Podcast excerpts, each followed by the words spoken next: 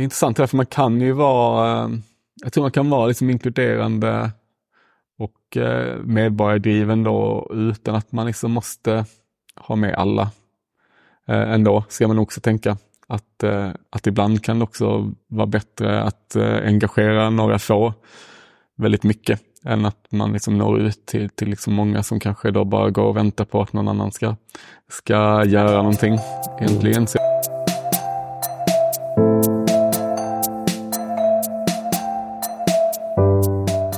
Du lyssnar på engagemanget och du hörde precis dagens gäst Jesper Berseus från organisationen Drevet i Malmö, som idag är en viktig motor för inkluderande stadsutveckling på fler platser i Malmö, däribland på Segerpark och i Hylje. Det här är sjukt spännande, eh, tycker jag, av olika anledningar.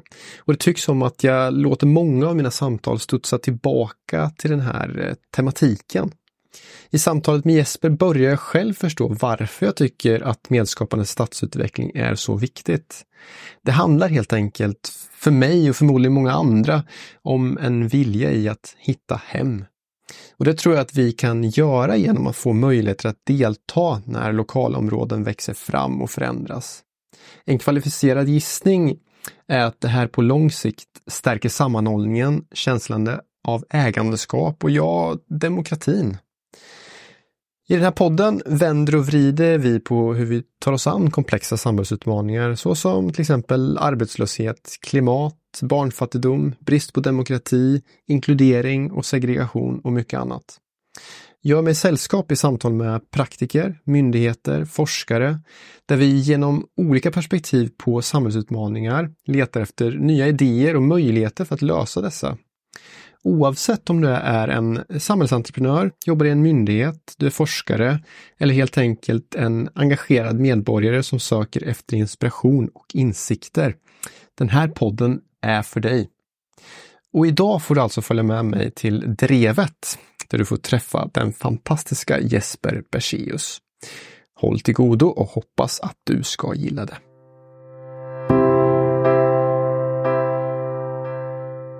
Men du, om vi ska börja med eh, ert namn, det måste vi nästan göra, Jesper. Eller mm. Drevet. Ja. Jag tänkte för mig själv där så att det är ett coolt namn, man kan ju tolka det fel. Mm. Som att här är en verksamhet som bedriver drev mot folk. Ja, visst ja. Men det är väl kanske inte riktigt så? Eh, nej. Var kommer namnet ifrån? Eh, ja, jag var inte med när det startades själv. Det var framförallt Barry som kom med idén, jag tänker att han kom med namnet. Eh, och jag tror att det har att göra med ganska mycket cykeldrevet. Alltså att eh, just själva kugghjulen som liksom driver kedjan på cykeln. Men så kanske det också kan passa om man tänker eh, mediadrev kanske inte låter så positivt men det är liksom ändå att man tänker att det är någon slags kraft eh, bakom eller uppsamling eh, av eh, människor eller något i någon form. Så jag tänker att det kanske kan ha lite den bemärkelsen också. Liksom, ändå. Så det började med cyklar på något sätt ju? Mm. Eh, genom ett projekt på ABF om jag har förstått rätt? Ja, jag brukar väl säga att Barry som hade idén 90 ABF och, och frågade om man kunde få eh, 2000 kronor till att köpa verktyg eh, för att sätta igång en utbildning för just ensamkommande. Just det. Eh, och sen så gick han ut med eh, ett par miljoner istället. För att då mm. blev det liksom att, eh, att ABF sa, men det här borde vara en större grej. Är det en sann historia? Ja, ja det, det är det. Otroligt. Ja, och sen så, eh, så det blev sånt här Allmänna arvsfonden-projekt eh, då, Just som det. ju ofta var i tre år. Eh, eh, precis, och då var det ju egentligen som ABF liksom och sen så under tiden så bildades liksom också föreningen Drevet då för att kunna ha någon slags, liksom, kunna föra det vidare. Det blir ofta så med de Asfonden-projekten att de annars eh, eh, stoppas väldigt eh, tvärt och sen blir det, kan det vara svårt att liksom hitta fortsättningen, det tar, tar tid. Projektfinansiering överhuvudtaget eh, tenderar att vara så. Mm. Men, då, men det handlar om cyklar på något mm. sätt i mm. början, eller vad, var det ni, eller vad var det de gjorde då i projektet inledningsvis? Ja, men från början så var det väldigt mycket uttalat tanken att att, eh, att utbilda ensamkommande inom liksom yrket cykelmekaniker egentligen. Just det. Och att det skulle bli en, en kooperativ cykelbutik eh, butik eller verkstad av det i, i slutändan. Eh, men eh, så hände det väl mycket på vägen också, tänker jag. så, men det var ju lite så jag själv kom i kontakt med Drevet genom att jag eh, jobbade som projektledare kan man säga på, på cykelköket då och var liksom i, I samma sväng precis. Eh, och, eh, ja, och då försökte vi på något sätt vara någon, någon support om de behövde att liksom starta igång och Ja, få just tips det. Mm. och sådär. Men de, de klarar ju väldigt mycket själva ändå. Så att det var inte så mycket involvering från min sida på den tiden. Men Mm. vad, vad var det som hände längs vägen som gjorde, för nu upplever jag det som att ni har bytt lite inriktning, eller hur? Även om jag, gick in i lokalerna så några eh, halva cyklar. Mm. Så känns det som att ni håller på någonstans med det också fortfarande, men inte på samma sätt som eh, tidigare kanske. Eh, nej, men exakt, jag tror att det hände nog redan eh, under den tiden att det liksom märktes ändå ganska snabbt att, eh, eh, att cykla liksom bara är ett, eh, ett sätt, eh, en bra sak att lära ut men också liksom Eh, om man tänker liksom arbetsintegration lite bredare också så var det just att prata om cyklar bara var liksom en viktig sak utan det fanns mycket annat som var viktigt också. Om hur man liksom kan komma in i någon slags arbetsliv eh, i, i Sverige. Sådär.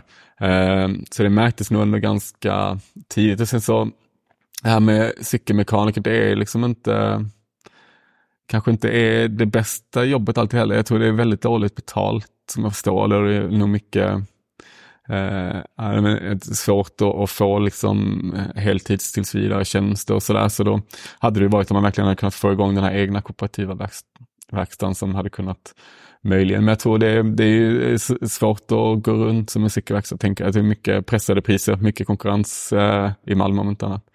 Eh, och så blev det liksom jag vet inte, en, en, en ingång till stadsutveckling är ju kanske mobilitetslösningar ganska mycket.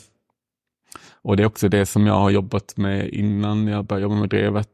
Eh, och då har det varit mest fokus på, på, eh, på kanske cykelverkstäder som är en sån sak som eh, Eh, det går att bygga in i nya hus för att slippa bygga eh, lika många parkeringsplatser egentligen. Men, eh, men så började vi också jobba liksom med hållbarhet lite mer generellt och, och vara med på och, och liksom kultur kanske också för den delen. Ett arrangemang. Så att det, var liksom, det blev inte bara, bara cyklar av det. Nej, precis. Men finns själva kärnidén kvar i er verksamhet fortfarande? Som du börjar med att säga så var det här med att eh, göra så att fler ensamkommande fick eh, förutsättningar att komma in på Mm. arbetsmarknaden och få stanna i Sverige kanske. Ja men precis. Det, det är det ju eh, verkligen med fortfarande. Så vi har, vi har väl liksom fortfarande båda de huvudmålen att, att vara den här arbetsintegrerade organisationen men också kanske att det ska leda till, till klimatomställning eller hållbar utveckling. Men, så den finns verkligen kvar men, eh, och lite grann eh, cyklar finns det men det finns ju också eh, många andra liksom, projekt i det.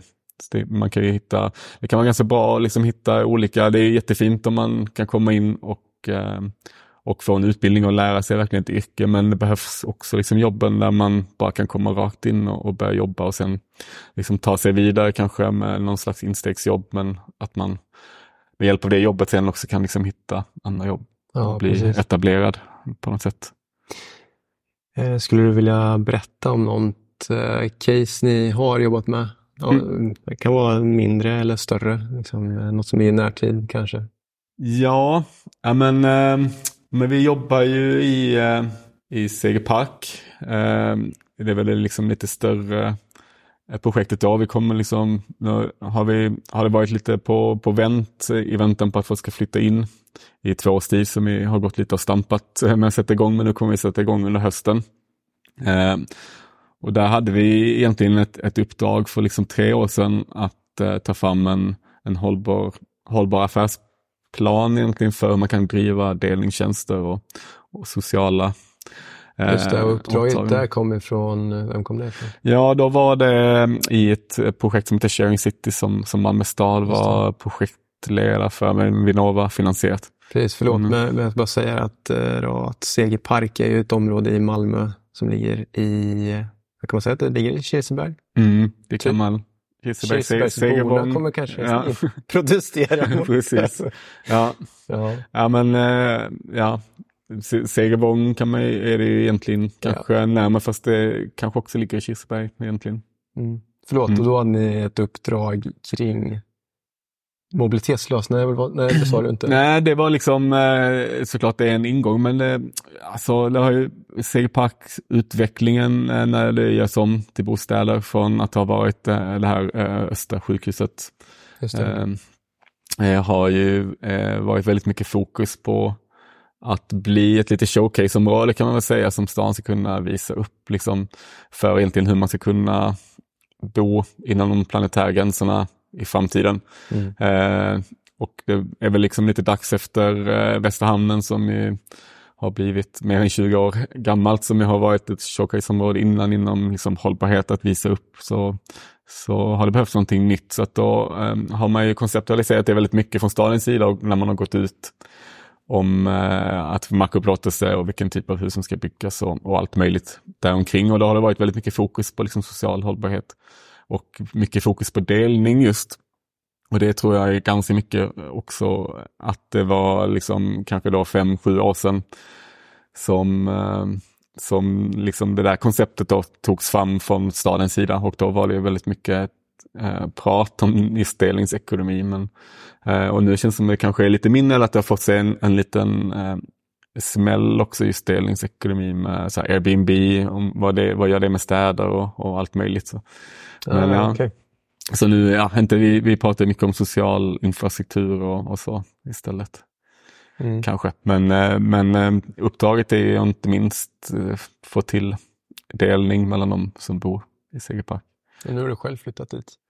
Ja, precis. Det Ja. blev, eh, blev så till slut. Eh, Det var inte riktigt eh, planen från början, men, men det är så härligt område så det var svårt att inte Det är ju så fint. Det är en gammal park eh, som har funnits där i säkert hundra år då, Mm. antar jag, minst. Ja, precis. Så det är fantastiskt. Men Ja. ni bor ju då i ett kollektivhus där va, som heter Mm. Röda Oasen. Exakt.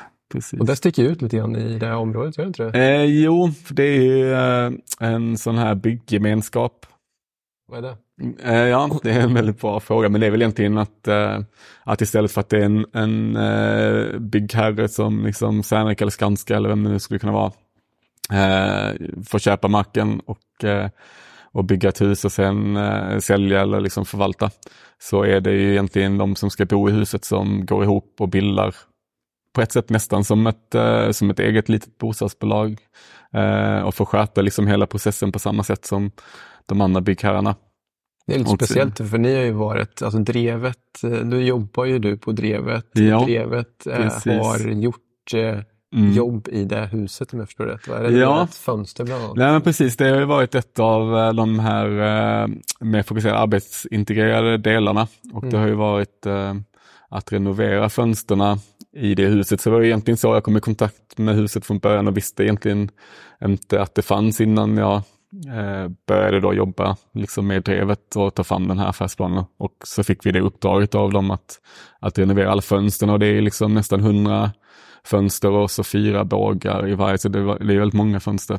Men det är klart nu antar jag eftersom ni bor Ja, ja men precis det, det är det. Nu är det väl lite källarfönster och sånt kvar men det får väl kanske tas när det hinns med tror jag. Så att, eh, och det är ett och ett halvt år sedan ungefär som det tog. Och då liksom eh, den satte vi upp verkligen så att man också skulle då lära sig ett yrke. Och det är, det är väldigt mycket ett, ett yrke som, eh, som förväntas eh, vara en bra arbetsmarknad i framtiden. För att dels blir det väldigt mycket krav av att, av att renovera eh, istället för att slänga eh, på, på inte minst byggherrar och så men också eh, att ja, mycket privatkunder som kanske också eh, fönster. Så vi tog liksom in en, eh, en expert eh, eh, Gantelius fönsterhantverk, heter de som kunde lära och få, få ihop hela processen också kunna vara den här ut, eh, utlärande. Och sen så var det någon som faktiskt har gått hela drevet eh, utbildningen från början som också sen då har utbildat sig till, eh,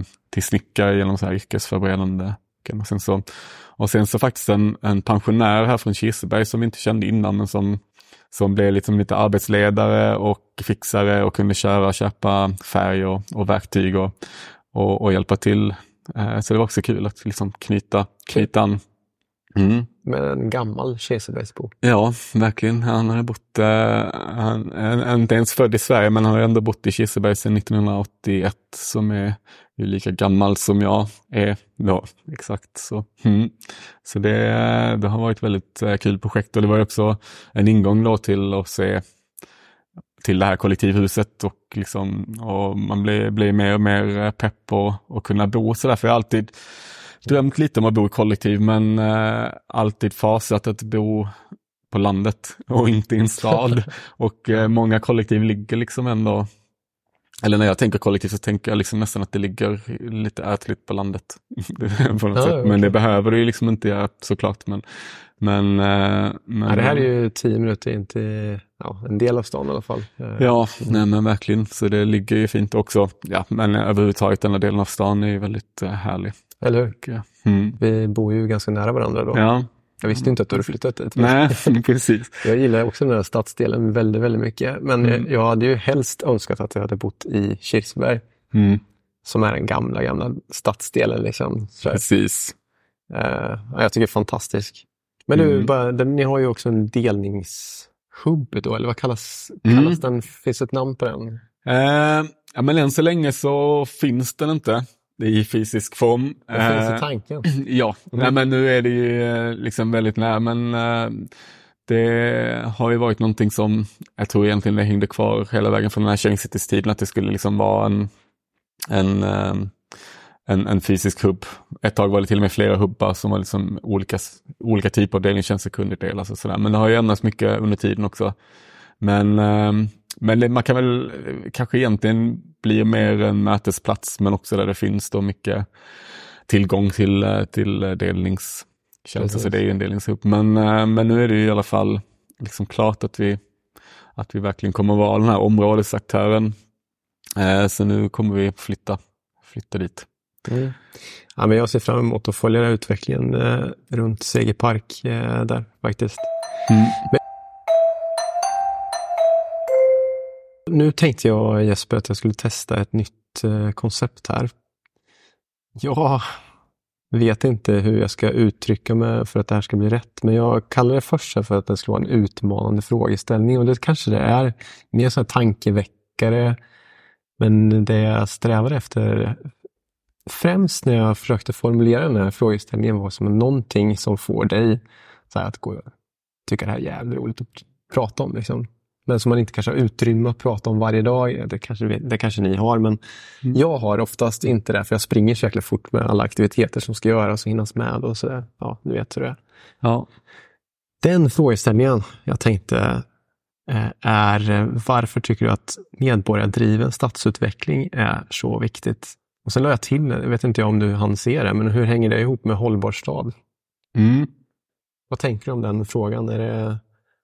Ja, Eh, jag eh, tänker ju att, eh, att det är kanske för jag brukar också säga att jag jobbar med medborgardriven stadsutveckling så du har ju hämtat den liksom från att, mm. jag, att det är det jag jobbar med. Men jag känner lite direkt att, att det inte är det bästa ordet. och, och känner att jag kommer försöka hitta ett annat ord som är mycket bättre. För om man liksom bara börjar först med det medborgardrivna så så jobbar vi väldigt mycket i den arbetsintegrerade delen med personer som har väldigt svårt att bli, få bli medborgare.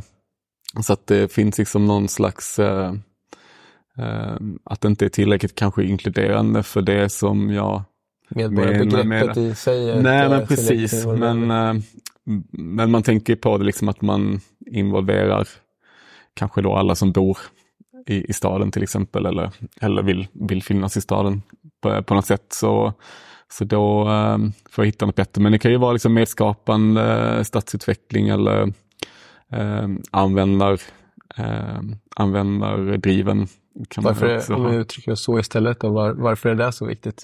Eh, nej men det är väl väldigt viktigt, inte minst med det vi jobbar med, att det ska vara inkluderande. Och om, om begreppet i sig liksom inte, inte riktigt är inkluderande så, så blir det ju lite knasigt mm. på något sätt. Men, eh, men det, det är ju liksom viktigt utifrån att, eh, men det är lite intressant för det är både en eh, Alltså det är ett mål, en princip i sig själv, liksom att, att öka eh, transparens och inkludering och eh, demokrati egentligen. Men, eh, men det är också kanske lite en metod att, att man faktiskt eh, eh, mycket tidigare än vad man kanske gör annars eh, försöker inkludera de som ska leva i, i staden eller den delen som man då utvecklar i staden eh, att liksom bestämma vad som är viktigt.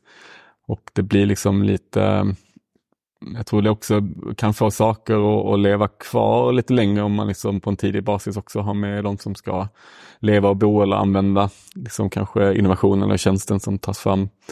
Eh, att det kan driva den. Men eh, mm. Ja, men eh, det, jag, ja, det vet ju du kanske att jag håller med dig om det här. Jag tycker också att att stadsutveckling bör vara medskapande för att det ska Ja, men alltså skapa lite andra värden då för människorna som bor mm. på platsen att, än att bara bo där. För att säga. Mm.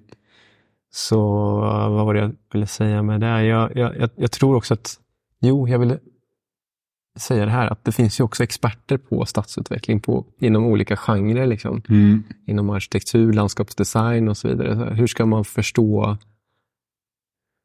eh, relationen mellan de experterna och eh, nu hittar jag inte något bättre mm. ord för det här med medborgarna. Då. Jag använder mm. det för att jag inte hittar något bättre ord. Nej, de som precis. bor i staden. Ja. Nej, men, eh, nej men exakt, det är ju kanske inte alltid helt lätt. Jag bara tänker, nu när jag liksom säger det så tänker jag på, på en sån här fråga folk på stan i en, en journalistisk tidning. Att inte det finns alltid lite diskussion om det, varför, varför frågar de dem när det finns liksom experter? På detta. och det kan jag säkert också ja, ha, ha liksom sagt eh, någon gång. För att det finns ju den här lite, men, eh, ja, men lite eh, kanske konflikten ibland i det där. Men jag tänker liksom att, eh, att det kan vara viktigt liksom med expertis och, och kunskap eh, samtidigt som man kan ha transparens och, och vara inkluderande. Jag tänker liksom att det är de lite större frågorna som Nej, det behöver inte bara vara de större frågorna, det kan också vara väldigt specifika saker. Men, eh, men att man liksom kan vara inkluderande redan i att bestämma liksom ens eh, vad man ska göra eller vad målet är eller vad liksom visionen är. Jag tycker ofta så, så är det väl inte det. Det är väl också därför jag kanske kallar att jag jobbar med, för man säger bara stadsutveckling så, så kanske man tänker att det är så som man har gjort på 60, 70, 80, 90, 00-talet liksom. Och då är det ju, det finns säkert bra exempel på, på inkludering eh, då också, men liksom kanske ja, det vanliga eller business as usual sättet att göra saker på har ju kanske liksom inte varit, eh, varit det. Eh, att jag bara tänker på eh, så direkta exempel på till exempel eh, Västerhamnen. Att, att man inte hade tänkt att någon skulle vilja bada det fanns inte en enda en stege och, och så. Och att inte en badplats. Alla tänkte att det är ribban som man liksom badar på. Ribban är jättefin men så visade det sig att folk började bada till höger och vänster och vad som helst. Och eh, i takt med att folk skadade sig så blev liksom stan lite tvungen att ta ansvar och muddra bort stora stenar och sätta stegar och, och allt möjligt. Och nu är det ju liksom badplatser det är bara liksom några meter emellan ställen man kan vara på. Och det tänker jag, liksom, hade man kanske gjort det eh, idag så tänk, hoppas jag att man liksom hade tagit in liksom mer, eh, inte bara folk som ska bo där, för det är också, en, har också blivit en plats som man kanske inte hade räknat med från början. Det är en plats där folk tar sig från egentligen hela stan och kanske till och med utomhus. Mm. Men, eh, men ja, det, jag tror att eh, nej men jag tycker absolut att experterna har inte heller alltid rätt och, och kanske inte eh, nödvändigtvis vet mer eh, om ett eh, stadsområde eller ett kvarter än de som bor där. Liksom, utan det är Nej, precis. Jag tänker två saker där. Alltså, dels tänker jag att man kanske har olika roller i stadsutveckling. Eh, och att alla, man, man, kan kanske inte heller säga att den som ska bo där eller bor där redan ska få allt utrymme liksom att utforma sitt mm. eget hus till exempel. Eftersom att det finns ändå expertis i mm. att bygga ett hus vad gäller, vad vi pratade om förut, bärande balkar och sådana mm. saker som inte jag har någon koll på. Eh, och sen så tänker jag på rollen som expert. Den kanske håller på att förändras lite grann också. Det är min mm. uppfattning i alla fall. Att du är, har en sakkunskap, men du, vi börjar också utveckla en så här kompetens kring att kunna eh, medskapa. Då. Det, jag, jag tycker mig se det i alla fall. Jag vet inte vad du ser. Jo, men det kan nog stämma. Alltså, det känns lite traditionellt med den här eh, delen. Sitta bakom skrivbord ja, så nej, men är inte längre kanske. Nej, och om, om, man bara tittar mycket så det, att, att det liksom händer ju väldigt mycket mm, saker som är inkluderande och all forskning är liksom lite, innan kanske var mer att man eh, hade objekt att titta på men nu försöker man ju ha lite mer aktionsbaserad forskning till exempel och inkludera eh, folk och så. Så att eh, det känns ju som att det håller på att suddas ut eh, väldigt mycket. Det kanske liksom också bara är ett, att information är så mycket enklare att tillgå också tänker jag. Liksom för innan var det kanske svårt eh, för eh, vem som helst att komma åt liksom, eh, forskningsresultat och artiklar eller, eller sådär. Utan då hade man ju kanske en dagstidning som, som man kunde liksom bli informerad av. Men inte, då kanske det, nu är det lite lättare att kunna bli, eh, ja, få sakkunskap inom ett område utan att också ha behövt liksom gå den exakt vanliga konventionella vägen. Nej, precis. En sak som jag har funderat ganska mycket av eh, Jesper är också när vi har samarbetat i till exempel projektet Malmö tillsammans som vi gjorde här för ett par år sedan som också handlar om stadsutveckling. Så lite, lite slarvigt uttryckt då. Mm. Men det var ju så här att um, vill Malmöborna vara med och skapa staden? Mm. Så tänkte jag lite i mörka stunder. Mm. Precis. Planera för att göra olika workshops och så vidare. Så kommer det tre personer. Mm. Det känns bara som att det finns en... Och Jag vet inte om det handlar om det.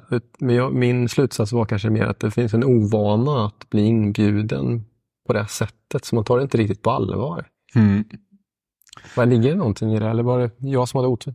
Mm, nej, men det ligger väl säkert mycket i det och bara generellt att, att folk inte har tid och, i sina liv och få ihop eh, nej, liksom livspusslet och så.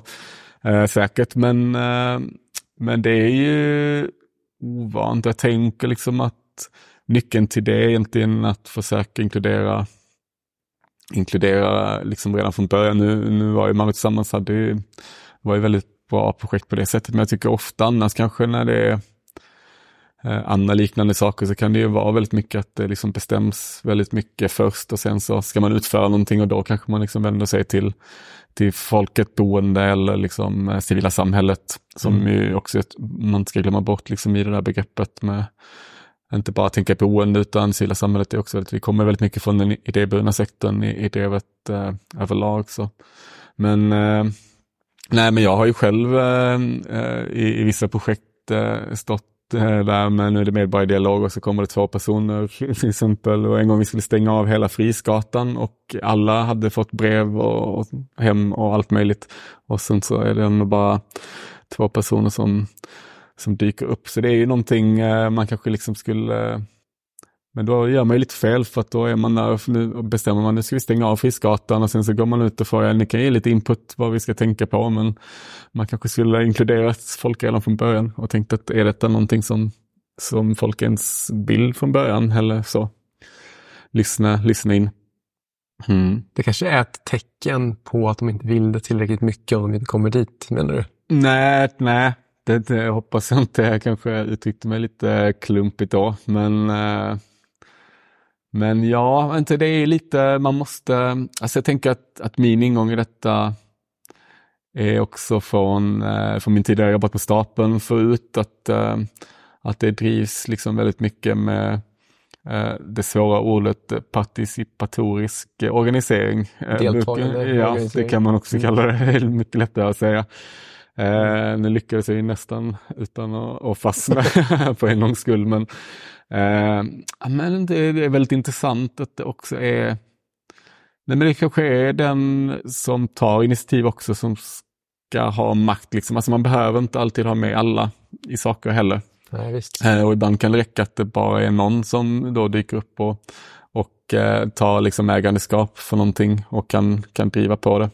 Så kanske den då blir, blir bra och sen så i längden så, så kan man ju hoppas på att fler hoppar på. Men det känns ju ändå som en utmanande balans när jag tänker på det här. Om, om man säger att vi har en, en yta här ute som har varit en parkeringsplats till exempel och som ska göras om till någonting annat. Mm. Om man lämnar det helt öppet. Kom med era förslag kring vad det ska bli för någonting. Mm. Så finns det de som går igång på det. Eller? Men de flesta som jag har träffat blir ju lite frustrerade och eh, så här, har inte ni själv någon idé på vad vi ska göra? Mm. Den attityden har jag mött ja. ganska många gånger. Nej, men vi vill gärna höra vad ni vill. Mm. Vad då? Mm. Ja, men eh, precis, jag tror ju eh, ja, men det krävs nog bara väldigt mycket. Man måste eh, också visa vägen med goda exempel. Tänker jag ganska mycket. Så just det gäller liksom eh, eh, ta bort en parkeringsplats och göra någonting annat eh, eller sådär. Så det, dels så vet man ju från början att det sticker ganska mycket i ögonen på, på vissa som är väldigt bilberoende och, och letar parkeringsplatser eh, delar av, av dagarna. Men eh, det finns ju liksom lite dåliga tillfällen när man kanske bara tar bort den då för att man ska, vilket i och för sig man kan ha goda argument för. Men om det liksom bara blir en tom yta då så blir det inte så inspirerande. Utan jag tror man verkligen måste komma med, eh, man måste bara visa hur det skulle kunna se ut. Så liksom sätt en eh, skogsdunga istället. Eh, och så tänker jag att då kommer kanske folk ändå ja, just det. sådär. Men, eh, mm. men men jag tänker att man, nej men jag tror liksom, det är intressant för man kan ju vara, eh, jag tror man kan vara liksom inkluderande och eh, medborgardriven då utan att man liksom måste ha med alla eh, ändå, ska man också tänka.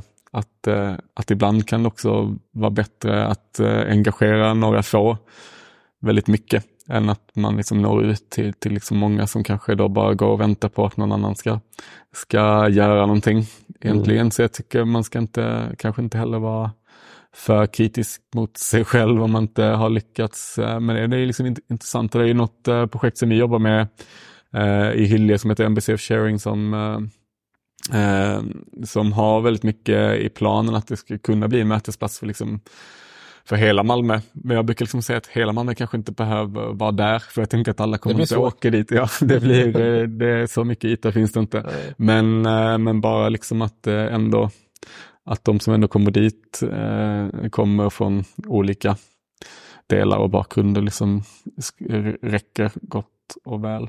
Mm. Så ja, nej, men intressant det där ändå. Med... Jag ställde ju egentligen två frågor, det var taskigt kände jag nu efteråt. Men eh, det var ju, den ena var ju kring eh, eh medborgardriven stadsutveckling, då, men den andra var ju hur det hänger ihop med hållbarhet. Så det är också ett eh, sånt begrepp som ni jobbar med, mm. vet jag. Mm. Som är lite undflyende för mig hela tiden. Så här, om man, eh, vi har pratat om sociala aspekter nu ganska mycket kring, eh, kring eh, en hållbar stad kanske, så som jag tolkar det i alla fall. Men hur ska man förstå det där? Vad är en, vad, jag undrar vad en hållbar stad mm. är egentligen. Ja. Har du svar på det? Jag tror liksom eh, jag fick lite samma känsla som jag fick med medborgardriven, att jag måste in och, och ändra min LinkedIn-profil. yeah. för ja, men det är ju ett begrepp som är, säger knappt någonting längre egentligen. Eh, har, det blivit, har det blivit mm. urvattnat? Eller? Ja, men det har det väl liksom. Jag har ju själv pluggat liksom eh, min utbildning i, i hållbar utveckling men eh, jag känner eh, även då, även om det var eh, länge sedan, så även då hade det liksom blivit ett begrepp som som kanske då hade använts, eller när liksom använts på alla sätt och av alla och till slut inte betyder något så blir det lite svårt. Men inte är det mycket, känns ju, eh, men jag tror det är i alla fall det jag gillat med begreppet är att det är så uttalat ofta ändå inkluderar liksom både de här sociala aspekterna men, men liksom också kanske de här andra sakerna som, som eh, man i, i det begreppet kanske brukar kalla ekologiska eller liksom miljöfokuserade. Eh, så som kan vara eh, tekniska saker med. Men, men det säger liksom, problemet med begreppet har ju hela tiden också varit att det liksom inte är något eh, görande nödvändigtvis i begreppet. Tänker jag, liksom, alltså det är klart en, en hållbar stad kan vara, vara liksom ett slutmål då, men jag, jag tycker jag själv brukar prata kanske mer om omställning nu eller klimatomställning. Jag tror det och säkert många andra som gör det också som jag har inspirerats av som Mm. eh, på något sätt ändå liksom i begreppet då finns det att det är eh, något görande, att det är något som verkligen måste hända och kanske till och med att det måste till liksom en total systemförändring egentligen i omställningsordet. Så jag kanske ska liksom byta, byta uttrycket det, men då kan man ju såklart fråga, men hur ser då en, en, en stad ut när den är omställd och kanske klimatanpassad då också? Men, eh, Svårt men, att ja. föreställa sig Ja, kanske. Men å andra sidan, Jesper, tänker jag, det, alltså, det passar ju, begreppet hållbarhet passar ju väldigt väl in i hur du beskrev till att börja med, hur ni kombinerar olika saker på drevet, eller hur? ja, Då kombinerar ni in i, så att om vi bara tar helt tillbaka till när ni började, ta hand om cyklar som inte någon använder kanske och göra om Mm. dem. Samtidigt hitta möjligheter för, för folk att få anställning. Samma sak med eh, Röd Oasen där mm. hitta sätt att anställa samtidigt göra om, använda, återbruka liksom de fönstren som fanns sedan tidigare och så vidare. Mm. Ja, men Så ni precis. förkroppsligar det ju på något sätt, eh, Ja. det begreppet. Ju. Jo, men så kan det nog vara och det är väl för att vi eh, också eh, är lite överallt. Eh, När, när vi pratar om, om experter nyss så, så tänkte jag också att det är så intressant. Vi, vi är ganska många generalister på drevet känns det som. Det kanske liksom är en expertis i sig att kunna koppla ihop liksom de här sakerna. Men, eh, men det är intressant det där. Mm. Att vi, ja, vi gör eh, många olika saker samtidigt i alla fall. Ja, det kanske inte gör någonting. Nej. Jag vill eh, fråga dig här. Eh, jo, jag vill eh, försöka avsluta det på något sätt. Och eh, jag känner mig lite så här. Jag ställer massa svåra frågor till dig. Det var inte det som var meningen eh, riktigt, men ändå försöka fråga så här, vad, vad du ser framför att ni vill lämna efter er. Inte så att ni ska försvinna liksom än på länge. Men jag ser på, på stadsutveckling så är det lite grann så som man ser på, ser ut genom fönstret här så ser jag träd som är, vad kan de vara, 40-50 meter höga. Som har tagit Mm. 100 år att växa upp. Lite grann samma sätt där med stadsutveckling. Det vi gör i dag, det ni gör idag, kommer Mm. se imorgon, nästa månad, nästa år kanske till viss del. Utan resultatet kommer att komma så pass långt senare. Förstår du vad jag menar? Mm. Nej. Så vad ser du framför dig för din, för din son som är två, tre år nu? Eller? Mm. Mm. Precis. Hur kommer han, eh, vilket Malmö kommer han växa upp i? Mm. Nej men eh, ja, jag, jag tänker ju alltid på, eh, på trafiken. Eh, det första jag kanske tänker på hur, man tänker sig en stad i, i framtiden. Och då är det ju ehm, kanske tyvärr då med väldigt mycket fokus på vad liksom det som saknas eller kanske är fel idag. Det hade varit skönare att kunna tänka sig bara vad, vad skulle vara positivt men om man, om man blir av med parkeringsyta och vägyta och bilar så är det, ju- blir det ju väldigt mycket yta till att ha andra bra saker som det kan vara träd på och förskolor och sjukhus och, och allt annat. Så eh, just, eh, just den frågan är ju alltid central i, i liksom när jag har någon slags vision. Det är så mycket som finns i det där, liksom att eh, det är så många aspekter och om man bara tar en aspekt så är det tillräckligt för att det ska liksom vara en sån här eh, kostnad-nytta, cost-benefit-analys på det. Liksom det är bara, bara bli av med bullret eh, är en enkel, alltså är värt att satsa pengarna på cykelinfrastruktur till exempel eller annan men eh, liksom eh, motion, eh, luftkvalitet, klimat, eh, eh, bara platsen men också hur det liksom eh, eh, odemokratiserar staden och, och bygger liksom eh, vallar mellan olika stadsdelar och, och att eh, det blir svårt att, att, röra sig liksom i staden. Det är så mycket där som, eh, som jag tänker att det inte eh, som jag är övertygad om att det inte så kommer det inte vara liksom i, i framtiden. Det, att växa upp i Malmö var ju väldigt mycket att eh, man har väl alltid varit eh, kanske glad för sin identitet och, och, och, och försökt gå sin egen väg och varit kanske väldigt stolt över det på något sätt. Men det var ju alltid att, att det sades att man, alltså jag växte liksom upp i, i Sveriges bästa eh, cykelstad eller någonting sådär. Eh, och det, det fanns ju cykelvägar eh, på den tiden, eh, lite grann. Men sen flyttade jag liksom till eh, Nederländerna och då eh, och bodde i Utrecht och Amsterdam och förstod att men, det här kanske ändå är en, en cykelstad. Liksom. Och Malmö är, är fortfarande, även om det blivit jättemycket bättre de senaste tio åren, men det är framförallt en bilstad egentligen. Det, är, eh, det säger kanske också mer om eh, övriga Sverige också om man säger att det är Mm. Den bästa cykelstaden i ja, Sverige. Precis, det är lite det sorgliga, sorgliga i det. Men, eh, men det finns ju någonting där också, att, inte, för även i Nederländerna så, så eh, byggde man ju vägar, lämnade lämnar man ju all yta till biltrafik på 60-70-talet. Man tänker kanske att man har cyklat där alltid.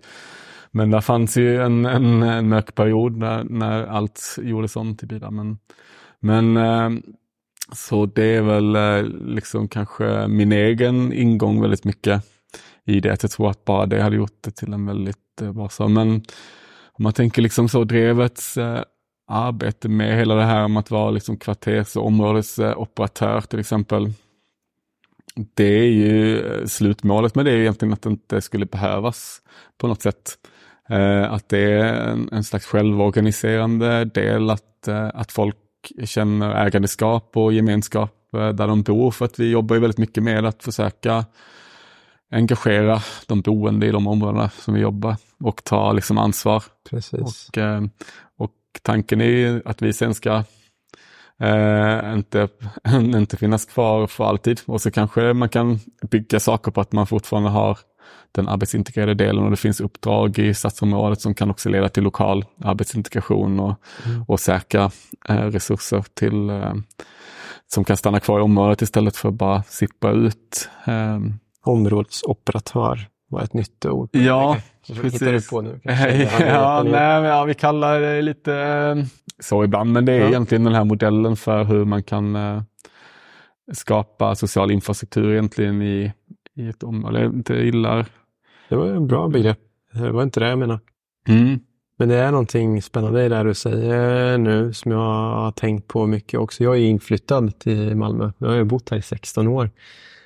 Men eh, jag hörde också någon kompis säga i förbifarten för ett tag sedan eh, att eh, jag letar fortfarande efter ett sätt att känna mig hemma. Mm. Och det, där, det, det, kan ju vara så att du bott på en plats hela ditt liv, du känner dig ändå inte hemma. Mm. För inte du har den kanske då samhörigheten i ditt lokalområde är det ofta det handlar om. Mm. Mm. Det är kanske det som jag har gillat så mycket här när jag flyttade till den här stadsdelen efter att ha bott tio år i en annan stadsdel i Malmö så känner jag mina grannar på ett helt annat sätt. Eh, det finns mm. möjligheter att vara med på publika arrangemang i området och så vidare. Det där gör jag ganska mm. mycket för att känna att jag hör till på den här platsen. Mm. Ja, men jag tror eh, att det nog handlar väldigt mycket om, alltså, för det är ju ändå ovanligt det du säger nu, tänker jag. Ja, att, att, att folk överhuvudtaget ja. äh, pratar med sina grannar äh, mer än att man kanske säger hej känns ju... Kanske mer vanligt på landsbygden. Jag tror det, så är det nog väldigt mycket. Mm. Det, Men inte överallt där heller. Jag kommer ju från Mm. ett litet Ja, ställe, det. tätort liksom, i Mm. Östergötland. Det var Mm. inte så att vi eh, fikar med våra grannar hela tiden. nej, precis. Så, Ja.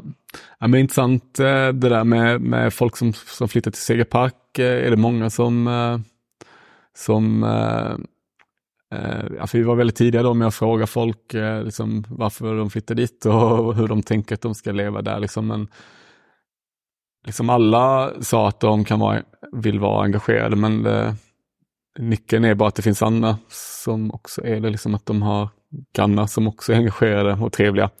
Eh, så den kände vi liksom direkt att okay, men här handlar det egentligen bara om att skapa mötesplatser och gemenskap och sen så kommer liksom allting hända lite av sig självt och det var många som bodde Ganska många som till exempel bodde kanske i, i hus någonstans utanför stan och där har man så kanske en lägförening men, men kände att det liksom inte det, det blev ingen gemenskap av det, det var bara att man samsades om att eh, dra in bredband och, och, eh, och snöröjd, mm, köpte in snöröjning kanske liksom. Mm. Men att eh, så det eh, Mm.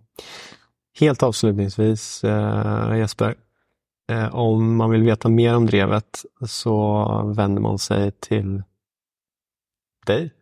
mm. Nej, till Det- eh, nätet? Eller vad gör man? Ja, nej men det, det går bra att höra av sig till mig på Mm. jesper.drevet.org. Ehm, och eh, vi, eh, vår hemsida eh, har oftast varit nere för att vi har utvecklats så himla mycket men nu är den väldigt snart där. Och sen så tänker jag att man kan bara komma till, till Segerpark så fort vi har slått upp dörrarna där och, och knacka på eh, också. Just det, precis. Mm. Har du något annat? Har vi glömt någonting? Någonting annat som du skulle vilja skicka med till den som lyssnar som är intresserad av eh, inkluderande stadsutveckling? Mm. Men det kanske skulle vara den där när jag pratade om, om alla fördelar med cykling så är det liksom en som jag inte sa. Och det är liksom egentligen att känna vinden i håret för också cykeln. Så jag tänker att, eh, att ändå tänka på det där att, eh, att det är också viktigt att, att bara leva och, och må. Att, och att man, eh, om man bara bara känslan av att man gör det hjälper liksom. För att har man haft, det är en liten utläggning ändå, men har man haft eh, undersökningar eh, till exempel i Köpenhamn om, om folk som började cykla till jobbet istället för och andra transportmedel. Men, men att de kände att de, eh, alla kände att de mådde så himla mycket bättre men inga tester visar på att de egentligen hade förändrats eh, någonting. Men att det, bara, det gav liksom någonting positivt. Så att det, Medskicket är att cykla mer. Mm. Och eh, använda staden eh, bara. Vi måste liksom, ja, det måste användas. Så det behöver inte nödvändigtvis alltid vara något som eh, ska vara jättebra för klimatet eller hå- hållbarheten, utan bara använda sig av stadsutrymmet, tänker jag, behövs. För annars så, så lever liksom inte staden kvar. Det måste ta ägandeskap.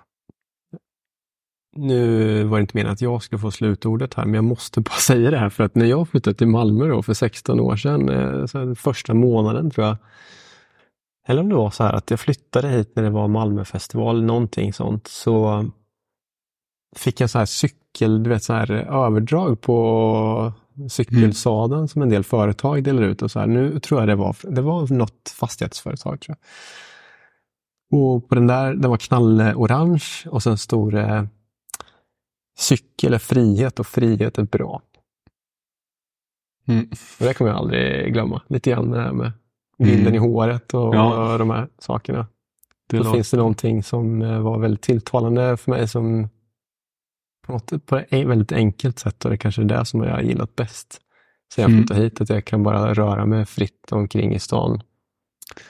Hur Precis. som helst, när som helst, så bara rulla till eh, nästa stadsdel. Mm. Nej men verkligen. Det var ett brandtal för låter ändå härligt även om det var en, en mäklare kanske som kom på. Nej, ska vi säga så? Vi- Jag får tacka så hemskt mycket för att jag fick komma hit och hälsa på Jesper eh, i Drevets lokaler som jag glömde säga ligger alltså i eh, Lokstallarna i närheten av Kirseberg. Tack för samtalet. Tack själv.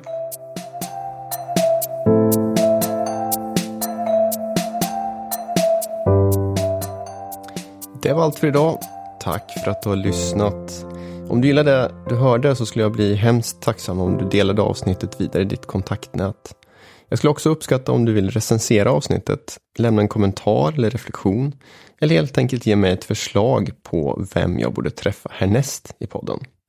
Numera hittar du även engagemanget på Instagram där jag kommer att göra löpande uppdateringar om podden. Så håll utkik där. Allt gott och ta hand om dig.